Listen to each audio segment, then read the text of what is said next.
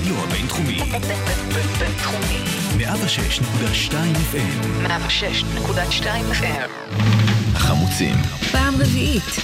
המערכת הפוליטית על ספת הפסיכולוג. עם הפרופסור בועז בן דוד והפרופסור גלעד הירשברגר.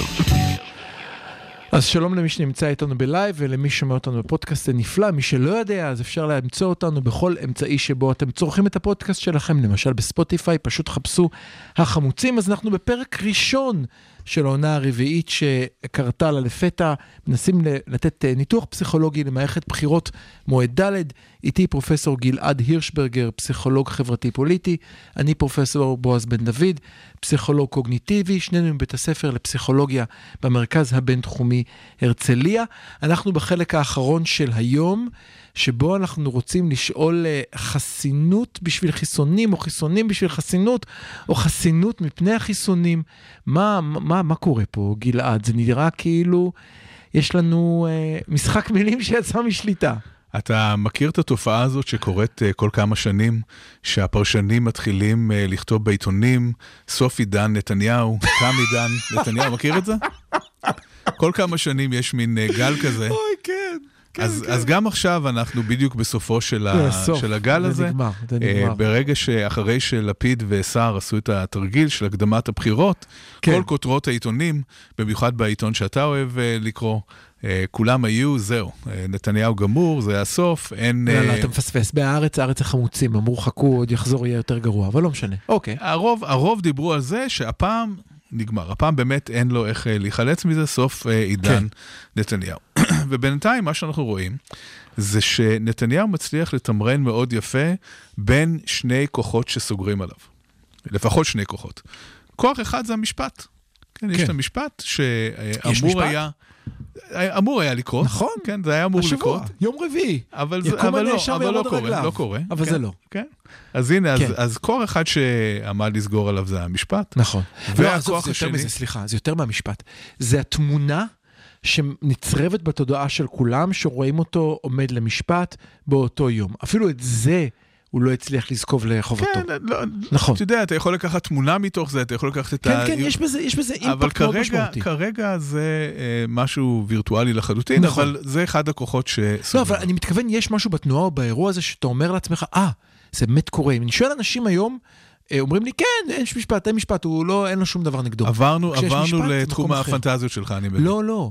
אני, אני, כשאני, הפוך, זה אפילו לא הפנטזיות שלי. כשאני מדבר איתם על נתניהו, אומרים לי, אין משפט ולא יהיה כי אין נגדו כלום, על מה אתה מדבר? אני דווקא חושב שלו היה עכשיו משפט מתנהל, ההנכחה שלו בהוויה שלנו הייתה גורמת לאנשים לחשוב שאולי יש דברים בגו כנגדו. זה ממש wish- wishful thinking שמאלני טיפוסי, אני מוכרח להגיד. אוקיי. אני לא חושב שזה היה משנה לאף אחד את הדעה אם היו רואים אותו עומד על... אה, אם כך, מדוע הוא נלחם כל כך מזה שהמשפט לא יתחיל? זה, זו שאלה בפני עצמה, שבוא לא ניכנס אליה, אבל, אוקיי, אבל אוקיי. יכול להיות שאחת התשובות לשאלה הזאת היא בגלל שהוא אשם, כן? זאת אפשרות אחת. אבל, כן.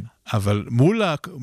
יחד עם הכוח הזה, לא מול אוקיי. הכוח הזה, יחד עם הכוח הזה, יש כוחות נוספים. כן. יש פתאום את ההתפצלות של אה, גדעון סער, שבהתחלה התייחסו אליה אולי בתור משהו אה, לא מאוד אה, משמעותי, מהמם. אבל אה, אם ניקח את גדעון סער, יחד עם הבריתות החדשות שהוא כורת, כן. וגם היכולת שלו לבצע מהלכים פוליטיים שני אה, מהלכים, מתוחכמים. שני מהלכים, כן. לא רק אחד. אחד זה מה שתיארנו בליל הח... בחניונים, והשני הוא, שנראה לך אולי זוטר, אבל הסכם ה... הסכם ה... נו, איך זה נקרא? השאריות, נו, תעזור לי כן. בשם. ההסכמי אה, עודפים. הסכמי עודפים הם מאוד משמעותיים. הליכוד, בגלל שהוא המפלגה הכי גדולה, בכל הסכם עודפים הוא תמיד מקבל בין אחד לשני מנדטים. כן. פתאום אפס? זה הרבה מאוד. נכון, אז, אנחנו, אז סער הוא פוליטיקאי מאוד משופשף, והוא לא עושה שום דבר בלי לחשוב עליו אה, טוב ובלי לתכנן אה, מראש, הוא בהחלט, למרות שאין לו את הכריזמה של נתניהו, מבחינת, נכון. נכון. כפלייר פוליטי יש לו, אה, הוא בהחלט אה, כריזמה מסוכן. בקוף או בכף? לא משנה. יש לו בהחלט, אה, אה, הוא בהחלט מהווה איום כן. על נתניהו. יש את, את שני הכוחות האלה לפחות שפועלים אה, נגדו, ואז הפרשנים ישר קופצים ואומרים סוף עידן נתניהו. אבל מה נתניהו עושה כשהוא נתקל בבעיה כזאת? כן. אין כמוהו לתמרן ולמצוא את הדרך החוצה מהלחץ הזה. אז הדבר הראשון שאנחנו רואים זה שישראל הפכה להיות מעצמת החיסונים מספר אחד בעולם. אין עוד מקום שבו מחסנים אה, כמויות כאלה של אנשים, אני חושב שאנחנו מתקרבים לשני מיליון אה, מחוסנים, אה, כשהדברים האלה... שזה דבר נפלא ש... ומדהים, ואנחנו מרוויחים, בעד. אנחנו מרוויחים מההפקר, ללא ספק. כן. ללא ספק. שיהיו בחירות כל חצי שנה אם זה מה שקורה. יש לי קולגה, יש לי קולגה מבריסל, ש, שכתב לי לפני כמה ימים, והוא שאל אותי, הוא אמר לי, תגיד לי, האוכלוסייה בישראל היא די דומה לאוכלוסייה בבלגיה מבחינת מספר האוכלוסייה, מספר, כן. מבחינת גודל האוכלוסייה. כן. איך זה יכול להיות שאצלנו חיסנו רק 60 אלף, ואצלכם כבר מעל מיליון? אמרתי לו, כי אין לכם בחירות במרץ. ואין לכם גם, ואין לכם גם לא ראש ממשלה שעומד uh, בפני משפט. יש עוד כן. סיבות אובייקטיביות לכך שישראל היא דוגמה כן, מצוינת, אבל, אין ספק שמגיע קרדיט, כן. המוטיבציה כן. כאן היא מוטיבציה של נתניהו, שיש לה הרבה מאוד סיבות פוליטיות, וזה מאוד חכם מצידו. Uh, כבר רואים בסקרים איזושהי עלייה לליכוד, ואני לא חושב שהוא גזר עד הסוף את הקופון עדיין לא. עם, ה, עם החיסונים. עוד לא, עוד, עוד לא גזר כי אנחנו בסגר, עוד לא גזר כי אנחנו עצבניים. נכון. ואני חושב שהוא יגזור, והוא גם עושה דבר, אם אתה רוצה קוגניטיבית, הוא יוצר סיטואציה שאתה לא יכול, אפילו עד כדי גיחוך עצמו, וזה לא משנה. היום אתה לא יכול לחשוב על המילה חיסון בלי לראות את זרועו החסונה של נתניהו נחשפת. זאת אומרת, הוא עשה כאן סיטואציה שכל אירוע שקשור לחיסון, הגיע המטוס, מתחסן מישהו, אין דבר שקשור לחיסון שאתה לא. מחבר מיד נכון, לנתניהו. נכון.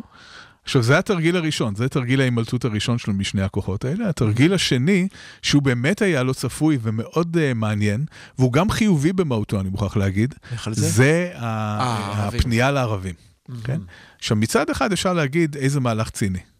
אבל מצד שני, אם מפלגת השלטון בישראל, שלא חשודה כחובבת ערבים אה, במיוחד, אה, עושה מהלך כזה, ובסופו של דבר, מה שלא לשמה בא לשמה, בסופו של דבר יוצרת מיינסטרימיזציה של המצביעים הערביים, שתהיה להם יותר אה, השפעה, אין בזה דבר אה, רע אה, בפני עצמו, וזה אפילו מאיר באור אה, מגוחך את מפלגות השמאל, שכל כך התלבטו, כן ערבים, לא ערבים, כן נשב איתם, לא נשב איתם, הוא לא מתלבט. עכשיו, על מה נתניהו בונה? אפשר לחשוב, לא, אני, חבל שאי אפשר לראות את הסרטון, אני, אני פשוט כל כך מזועזע מאותו יום שבו כל מה שהיו צריכים, אה, אה, אה, הכחול לבן, זה להסכים, ליברמן, ליברמן הסכים כבר מבחוץ, להיות מבחוץ. עם המפלגות הערביות, מבחוץ, לא בפנים, בחוץ.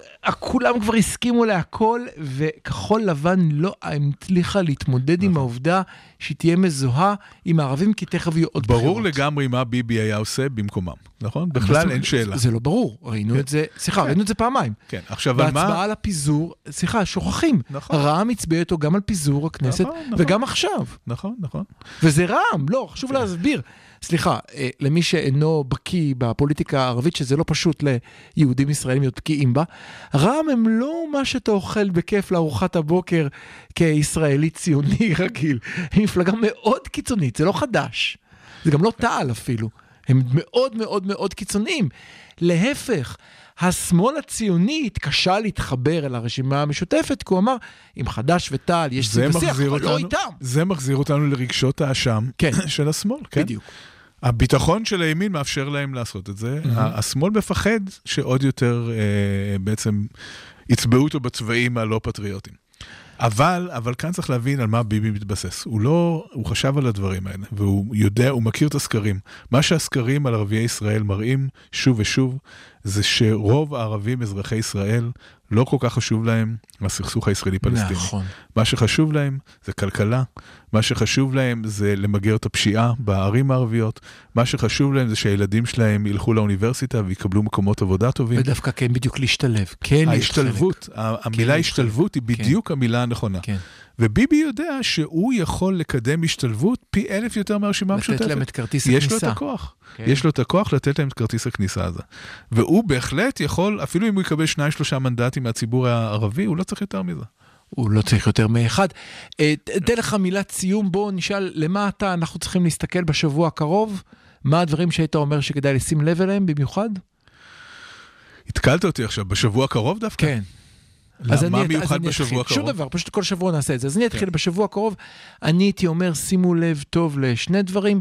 אחד, לכל מה שהולך לקרות עכשיו בקרב 800 מפלגות המרכז-שמאל שמנסות לגרום לאיזה איכות, או איך כל אחד צועק יותר ולראות מי ימצמץ ראשון.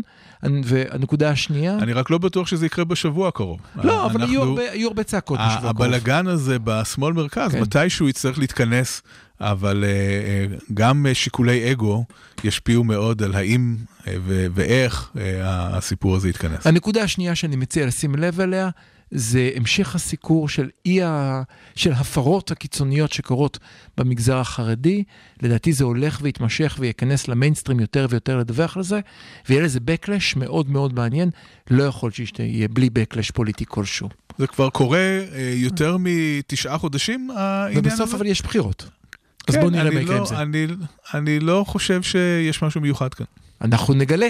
תודה רבה לכם שהייתם איתנו, אנחנו החמוצים, פרופסור בועז בן דוד ופרופסור גלעד הירשברגר. בואו, אה, האזינו לנו שוב, יום ראשון הבא, אנחנו נהיה כאן? אתה תהיה כאן? אין ברירה. יום ראשון בשעה 4 עד הבחירות, להתראות.